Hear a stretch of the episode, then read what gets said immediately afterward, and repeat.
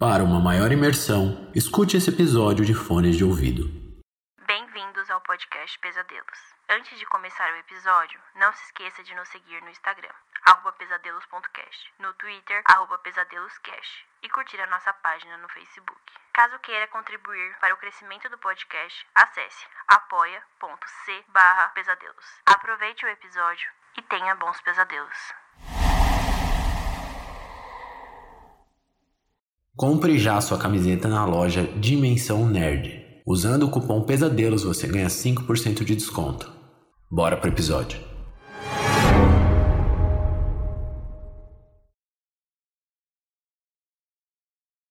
A Viagem, por William Camargo.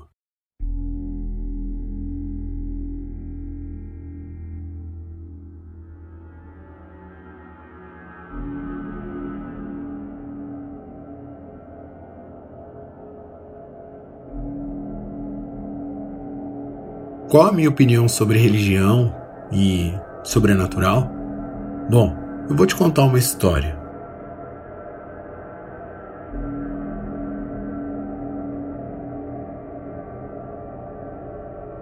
Eu amava trilhas. Nada me trazia tanta paz quanto fazer trilhas. A sensação de estar em conjunto com a natureza, a paz que eu sentia quando caminhava por montanhas, florestas e praias esquecidas, era algo que me fazia muito bem, mas tudo isso acabou. Tudo chegou ao fim naquele janeiro. Eu fazia trilhas há anos. Estava com o físico em dia para qualquer problema que uma trilha trouxesse. Decidi fazer uma trilha bem perigosa. As trilhas convencionais, orientadas por guias, já não tinham mais graça. O grupo sempre acabava ficando para trás e eu terminava sozinho. Então eu achei que estava pronto para me aventurar em uma floresta sem ninguém, sozinho. Fiz todos os preparativos necessários: acessórios para sobrevivência, água, mapas, tênis específico, roupa térmica e tudo que era preciso para uma trilha segura. Eu parti antes do dia raiar. Quando o sol apareceu entre algumas nuvens, eu comecei a trilha. Seriam 22 quilômetros de trilha. Se tudo desse certo, eu nem precisaria acampar, mas eu não contava com uma chuva que estava por vir. Conforme eu avançava, o céu escurecia. Nas primeiras horas do branco para o cinza claro, depois para o cinza escuro e depois quase para o preto. Eu sabia que a chuva seria forte. Conforme meu mapa, era tarde demais para eu voltar. Eu precisava apenas continuar seguindo pela margem do rio para encontrar algumas rochas onde provavelmente eu conseguiria abrigo e uma boa estrutura para montar meu acampamento. Porém, a chuva começou a cair. E eu não esperava aquela torrente de água. A trilha era uma subida íngreme, uma subida íngreme floresta dentro, e eu permaneci no caminho. Porém, tudo ficou muito escorregadio e eu caí. Eu caí feio. Rolei morro abaixo, quicando em rochas e apaguei. Acordei algum tempo depois sem minha mochila. E só acordei porque a chuva fez o nível do rio subir o suficiente para a água chegar no meu rosto. Eu acordei apavorado. Tava sem celular, sem minha mochila, sem mapa, sem nada. Apenas no meio da chuva, com aquela floresta prestes a alagar. Ainda por cima havia sangue nas minhas mãos. Eu notei que eu tinha batido forte com a cabeça. Forte o bastante para abrir um belo rasgo na minha testa mas eu conseguia andar. E eu andei em meio àquela torrente de chuva.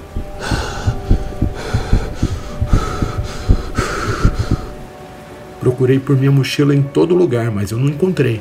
Mesmo com a chuva, eu pude ver a direção que o sol estava, e assim eu me orientei para continuar a trilha até onde eu deveria chegar.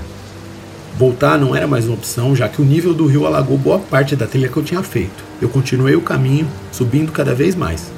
A chuva parou e o sol se pôs. Eu não tinha uma lanterna, um isqueiro e nem havia madeira seca por ali. Eu teria que andar no escuro. Mas meu estômago estava doendo de fome. Eu havia preparado alguns lanches para o caminho, mas eles ficaram na mochila. Então eu tinha que me virar, afinal eu estava numa floresta. Eu procurei no escuro por horas atrás de frutas, folhas, qualquer coisa que eu pudesse comer. E eu não encontrei nada que eu conhecesse mas meu estômago estava roncando de fome. Até que eu encontrei uma árvore. com aquelas sementes penduradas. Lembra um pouco vagem, mas as sementes ficavam envoltas por uma casca marrom, bem quebradiça. Eu simplesmente abri e comi. Era meio doce, parecia um tipo de semente. Minha avó chamava de orelha de padre, uma que era bem parecida, mas não era orelha de padre, ela era diferente. Era bom e matou minha fome naquele instante. Em seguida eu continuei a andar em busca de abrigo. O corte em minha testa ainda ardia com as gotas que caíam das árvores. Minha cabeça começou a doer e eu precisava parar. Foi quando me apoiei em uma árvore. E a única coisa que eu podia ouvir eram os grilos e toda a fauna noturna em sua canção incessante. Mas o som dos animais parou de súbito. E isso geralmente acontece quando algum predador se aproxima. Foi quando eu ouvi um barulho um barulho de asas, asas grandes. Um morcego ou uma coruja não, não faria aquele barulho. Pareciam asas grandes demais, asas capazes de, sei lá, sustentar um homem. Minha única iluminação era a pouca luz da lua que adentrava pela copa das árvores. O silêncio da floresta é mais perturbador do que você pode imaginar. A música cantada pelos animais noturnos, grilos, cigarras, pássaros e sapos, transmitem a normalidade que a natureza tem. Quando tudo cessa, as coisas ficam muito assustadoras. Mas eu permaneci ali, parado e em silêncio. Eu ainda podia ouvir aquelas asas gigantescas sobrevoando a região. Até que eu ouvi um gemido animalesco de dor. Talvez um porco do mato ou algo assim. A criatura das grandes asas provavelmente havia o abatido. Eu aproveitei para correr. Eu não queria ser a próxima presa. Eu corri pela floresta escura e tropecei em algo. Quase caí. Voltei para ver o que era e meu coração parou.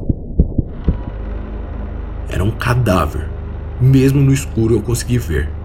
Os olhos vão se adaptando à escuridão da floresta e a luz da lua ilumina um pouco mas iluminava o suficiente, já que aquela parte era uma clareira e as copas das árvores estavam um pouco mais afastadas, permitindo que a iluminação do céu entrasse.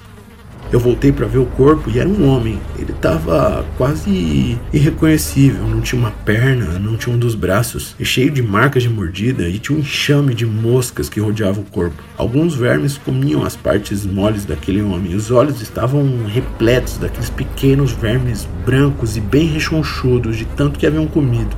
A barriga estava inchada como se fosse explodir a qualquer momento. A pele estava branca e com vários tons de roxo. O sangue embaixo do corpo estava quase preto e coagulado. Eu me apavorei e continuei a correr, até que encontrei outro cadáver. E dessa vez era uma senhora, mas não possuía a cabeça. Aquilo me deixou completamente angustiado, e mesmo sem energia eu continuei a correr. E por onde eu corria, eu encontrava corpos e mais corpos. Parece que aquele predador de asas grandes se alimentava constantemente eu encontrei uma clareira grande quando o dia estava quase raiando. E lá eu vi alguns desenhos por todo o chão, parecia coisa de filme, pentagramas, sinais, runas, seja lá o que fosse aquilo, provavelmente um culto. Eu me apressei e continuei aproveitando a luz do dia, caminhei em direção ao fim da trilha. Um pouco adiante eu encontrei uma cabana, uma cabana de madeira. Parecia um bom lugar para pedir ajuda, mas de longe eu percebi que ela estava vazia. Eu me aproximei e bati na porta. Ninguém me atendeu. Um cheiro ruim veio lá de dentro e eu resolvi abrir a porta. E quando eu abri, eu me deparei com vários gatos mortos, pendurados pela cauda de ponta cabeça na cabana. Eu dei dois passos para trás e foi quando eu ouvi um bater de asas ensurdecedor. Aquele era o lar da criatura alada. Eu me virei assustado para ver o que era essa criatura e a última coisa que me lembro foi de ter ouvido a frase: Vai ficar tudo bem. E eu acordei no hospital, são e salvo. Bom, o que era aquela criatura alada ou quem eram aqueles cadáveres ou ainda quem me salvou são perguntas que você deve estar se fazendo agora, não é? E pior, por que, que eu contei essa história quando a pergunta foi sobre minhas crenças em religião e no sobrenatural? Bom, tudo que eu falei aconteceu. Agora, se foi verdade, eu deixo para você decidir. Eu comecei a trilha, a chuva começou e eu caí. Caí e bati com a cabeça. Tenho a marca até hoje, cerca de 7 pontos. Mas no momento em que eu acordei, havia se passado um dia inteiro. Eu fiquei desmaiado mais de 24 horas, por isso que eu acordei com tanta fome. E na floresta, eu comi as sementes de uma árvore chamada angico, também conhecida como Anaderantera peregrina, uma árvore nativa da América conhecida por uma substância muito famosa alucinógena chamada DMT, dimetiltriptamina. E dali em diante eu pude ver corpos jogados no chão, fui perseguido por um morcego gigante, encontrei uma seita esquecida no meio do nada, e sim, eu alucinei tudo aquilo. É um dos efeitos dessa droga alucinógena. E o que isso tem a ver com as crenças religiosas? Tudo. Porque no final não importa. Não importa se o morcego gigante existia, não importa se aquelas pessoas mortas estavam realmente ali. O que importa é que aquilo me fez correr para longe de um grande deslizamento de terra que aconteceu horas depois. E que o deslizamento trouxe o corpo de bombeiros para perto de mim e eu fui salvo. Se foi um morcego gigante ou um bombeiro que me salvou, não importa. O que importa é que eu tô aqui para contar essa história. Seja por uma substância natural encontrada em florestas tropicais da América, pautada em ciência, ou um demônio alado no meio do nada, completamente improvável. Nada disso importa. Essa história exemplifica perfeitamente minha opinião religiosa sobrenatural. Não importa.